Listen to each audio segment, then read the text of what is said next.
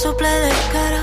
Si tempestad habrá calma, volver a sentir el fuego. Vivir como si fuera juego, con ese entusiasmo canalla. Veremos entonces si calla, como animal compungido. Entre cerros perdidos, el miedo que todo lo ha... Volver a empezar de nuevo, aunque el viento sople de cara, si hay tempestad habrá calma. Així arrenca Milagro, la primera cançó de l'esperat disc Clamor, el més nou de Maria Arnal i Marcel Bagés, uns versos que semblen resumir perfectament les emocions contraposades d'un últim any eh, tumultuós, si més no, uns versos que tenien guardats al calaix per culpa d'aquesta pandèmia, però que ara ja, per fi, eh, són una realitat i els podem sentir de dalt a baix. Maria Arnal i Marcel Bagés, bon dia i bona hora.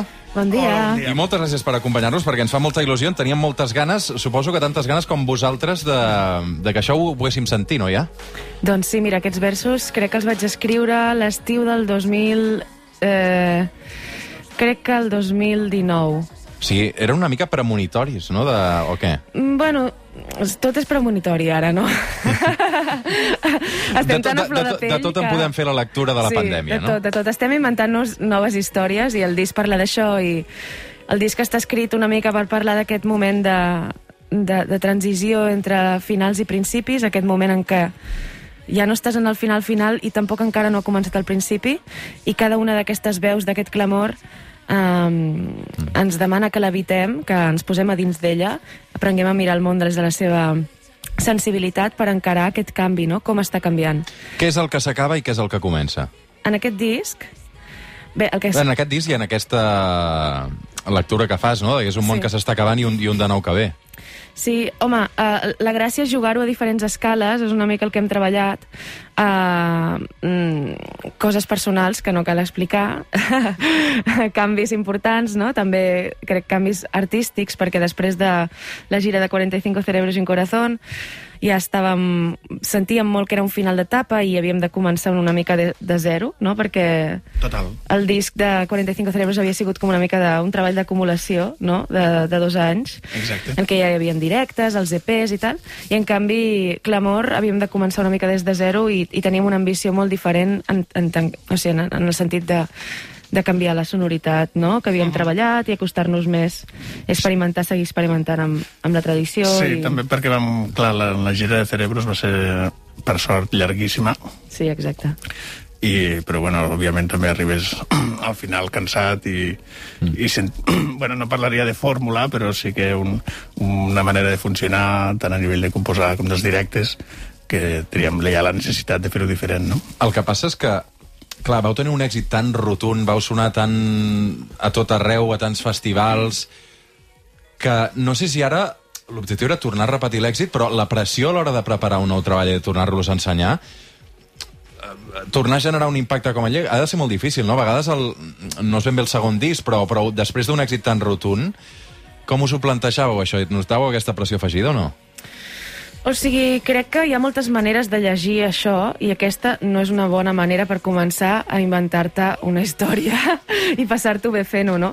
Llavors, saps que et passaràs dos anys de la teva vida treballant cada dia sobre unes històries, sobre uns sons, amb unes persones no ho pots fer des de la por, ho has de fer des de la llibertat, creient cegament que uh, l'èxit uh, que ja es, podríem també reflexionar molt sobre què és això de l'èxit i l'èxit rotund, però eh, creient que si això ha passat ha sigut perquè has seguit una intuïció i aquesta intuïció t'ha portat allà i per tant ara el que has de fer és continuar fent això i entrenant, entrenant, entrenant per, per realment respondre el que tens ganes de fer.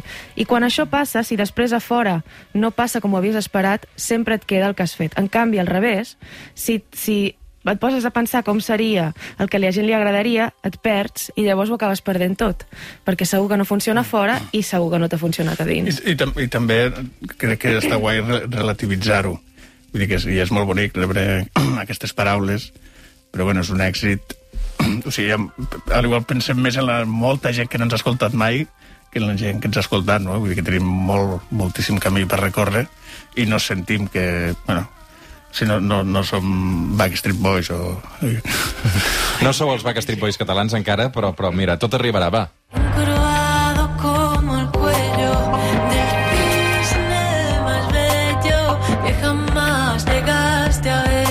Un disc eh, gravat i produït entre Barcelona i Atenes. Com us vau conèixer vosaltres dos? Uh, fa 3 milions d'anys.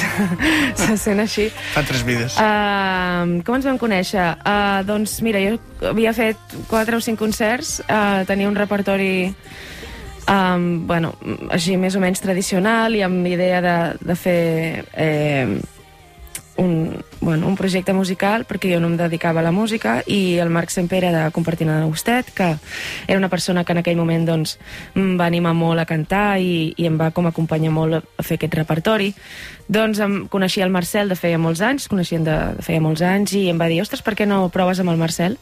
i així que vaig quedar amb el Marcel i, i vam preparar un concert per presentar a la Barceloneta, a les festes majors del carrer Pescador, mm. i, i va anar superbé, i a partir de llavors vam dir, va, continuem, no? I vam anar accelerant la cosa fins a arribar aquí ara. El Marcel estudiava Telecos, la Maria feia traducció, eh, i d'aquesta simbiosi en van sortir cançons com aquesta. ¿Quién quiere nacer humana que eso por la humanidad? Provocar el fin del mundo, inventar la identidad. Yo ya lo tenía claro desde que te vi llegar. Aunque tú también humana, sacas mi animalidad. Caminito de perlas, muerde, muerde.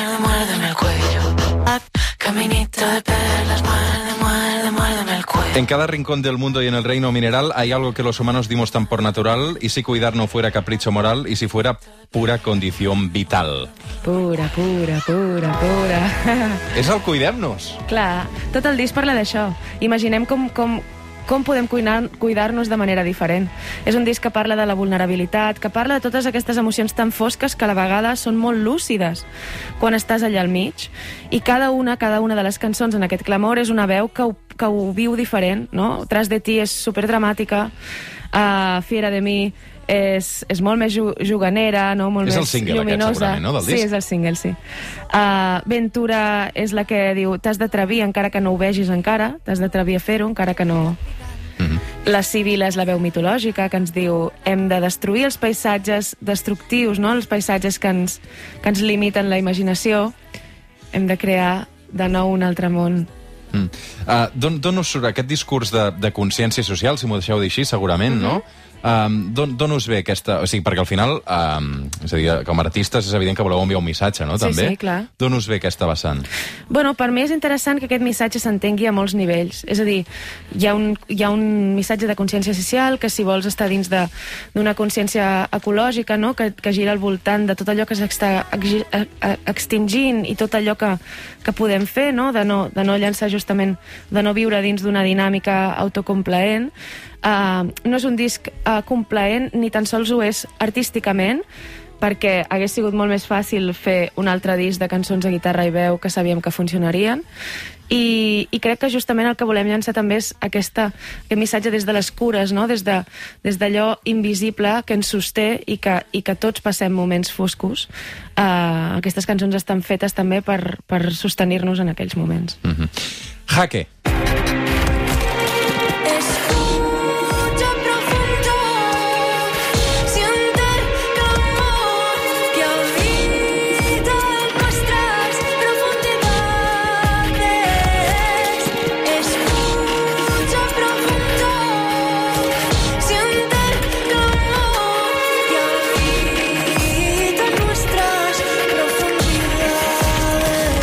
Això és el més nou de Maria Arnal i Marcel Bagés. Maria, tothom coincideix a dir que tens una manera de cantar que és molt característica, no? Uh -huh. uh, on vas aprendre a cantar, tu? Doncs... Mm, mm, bueno... Que... És una pregunta fàcil, no, Marcel? No, no, no és fàcil Sí, perquè... ja, ja la contesto. No, mira, a veure, puc anar molt antiga, o sigui, a, a la prehistòria de la meva vida, la meva mare diu que abans cantava que parlava. Això és això, això és real. Després, tota la vida he cantat en corals, a l'escola, m'encanta cantar, m'ha agradat molt, però mai hagués pensat que m'hi dedicaria, mai. I en canvi ara penso que tot té sentit precisament perquè m'hi dedico, no? Uh, llavors, eh, el meu camí és molt silvestre, o sigui, vaig estudiar traducció, com has dit, després vaig fer un màster d'arts escèniques, després vaig fer antropologia, després vaig començar a cantar. El meu professor de cant és el Jasmine Martorell, que és de líric, és d'òpera. El que passa que jo no he treballat mai el repertori de líric, però l'entrenament que he fet és de líric i després hi ha totes les cançons de tradició oral dels arxius i fonoteques digitalitzades que vaig enamorar-me de tot aquest repertori i a partir d'aquí, doncs, clar, tothom que hagi treballat això doncs s'ha s'ha convertit d'alguna manera en un, en un referent per mi, també. Mm. Per què rius, Marcel, quan li preguntava on havia... Uh, bueno, no, perquè sí, perquè té aquest, aquest, uh, aquesta trajectòria silvestre, com, com ella diu. bueno, jo, i també, jo penso molt cap que ha, que ha après i ha crescut molt als escenaris, que, Home, sí, això que és algo molt guai. Vull dir que, no, que abans, abans se feia així, no? Va, anem-lo desgranant una mica més, aquest disc.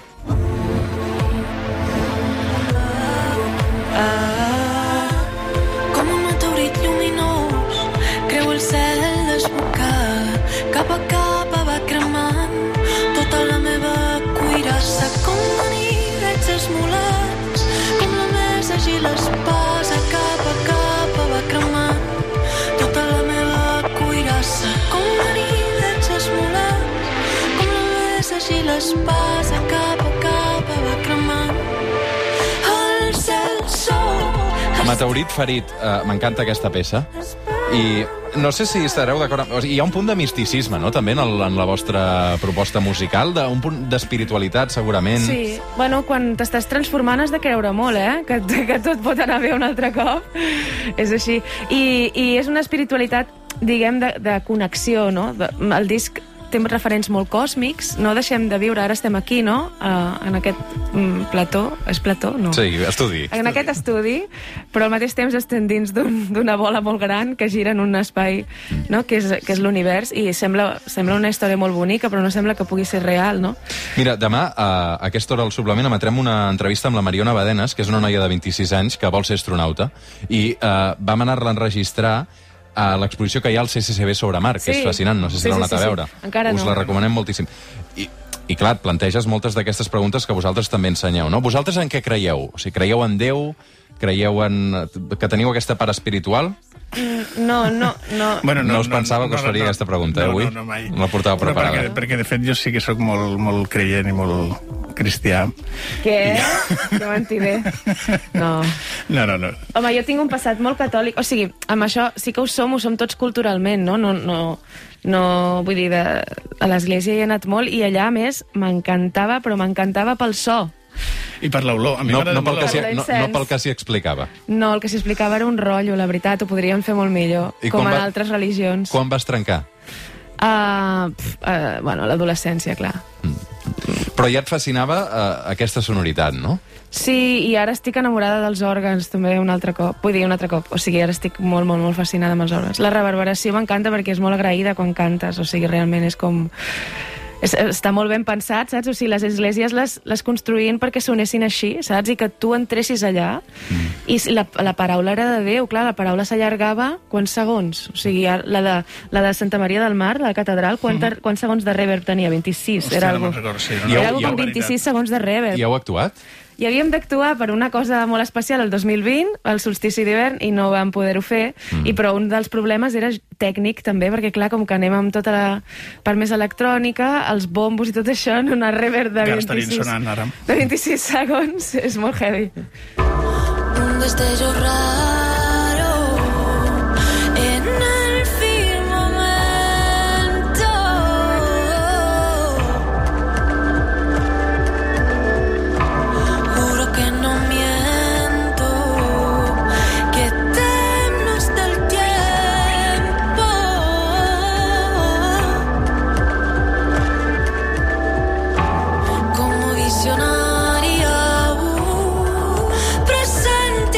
que és veritat que és un disc que aquesta vegada és molt més electrònic, no? Per portar això a l'escenari, per portar-ho en un festival, uh, Marcel, tindràs més feina? O hi haurà més ordinadors? Ah, bueno, sí, sí, bueno, una, un, una de les meves obsessions era, i crec que de tots, no portar ordenador a l'escenari, perquè li tinc un pànic absolut. Potser perquè el maltracto molt i se'm penja constantment el meu Mac, però no, no em volia portar. Llavors, totes les màquines que portem són analògiques. Llavors, doncs, portem dos caixes de ritmes, una caixa de samplers, MUC, sintetitzadors, etc, etc. I és algo que hem hagut de prendre perquè no en teníem ni idea. Clar, uh, suposo que ha estat un aprenentatge important, no, aquest també? Molt, molt, ha sigut molt heavy. La veritat és que... I, i, és, fàcil, és. I és fàcil reproduir el so del disc en un directe o no? Uh, bueno, tu has, tu, has de, tu has de treballar. Hi ha cosetes que sí que les reproduïm més o menys iguals i l'altres que les substituïm per altres sons que, que anem generant. Bueno, no sé, tot és complicat, eh? O sigui, tocar la guitarra eh, molt bé és molt difícil i aprendre a fer servir les màquines doncs també són moltes hores. Mm. Avui amb la Maria Arnal i el Marcel Bagés presentant uh, aquest uh, Clamor, aquest disc que recomanem moltíssim. Uh, un segon, escolteu això, si plau. I've been watching your brothers and sisters trying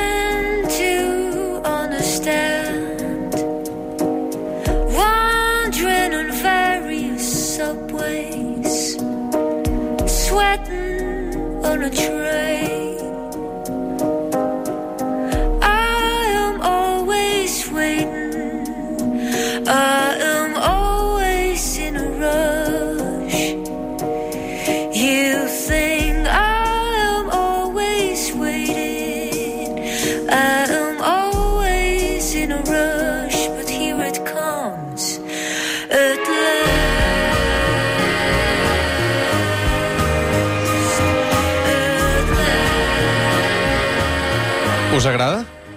Ens És un encanta. temasso, eh, el, el vaig sentir ahir. Sabeu de qui és o no? De la La Núria. Núria. La Núria Graham. Sí, sí, em va flipar quan el vaig sentir. Núria Graham, bon dia. Què passa? Núria, Bon dia. Hola. què tal? Com? Molt bé, molt, molt contenta de, de sentir-te per aquí. Instant Ja clàssic. veus. Què tal, Núria?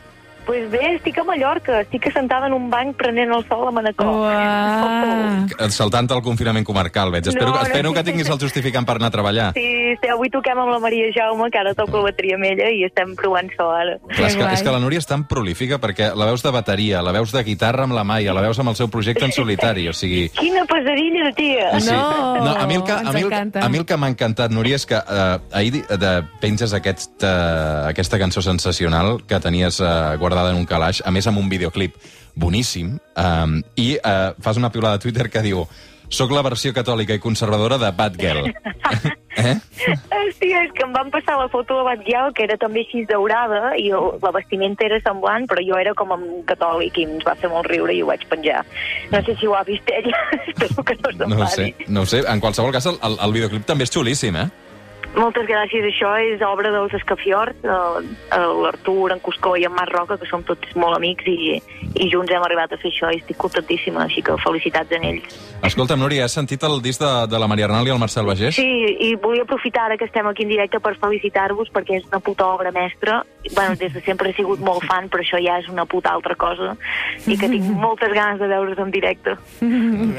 Núria, t'hi hem de fer alguna juntes, eh? Perquè Ja fa dies ens, que ens estimem molt. Us ho patrocina el suplement, eh? Sí. Eh, Escolta'm, a més ara, ara, clar, aquesta setmana hem vist també que tot això de publicar singles, com han fet també el, el Set Gana, per exemple, que, que anava traient um, cançons d'una en una, o també fa la Rosalia. Uh, he vist que Manel també ha tret una cançó sola, tu ara fas una cançó sola sense un disc. Uh, també entenc que la música va una mica cap aquí, no? Sí, jo continuo creient fermament amb el format de disc i tinc moltes ganes de fer un disc. Però sí que és veritat que també jo crec que va relacionat amb aquesta època que tenia la necessitat com de treure una cosa i, i no calia ser amb el format de disc, no? Simplement explicar coses amb una cançó. A part que és una cançó que tenia com ja suelta, que havia quedat com a descarte, i ara tenia sentit com treure-la.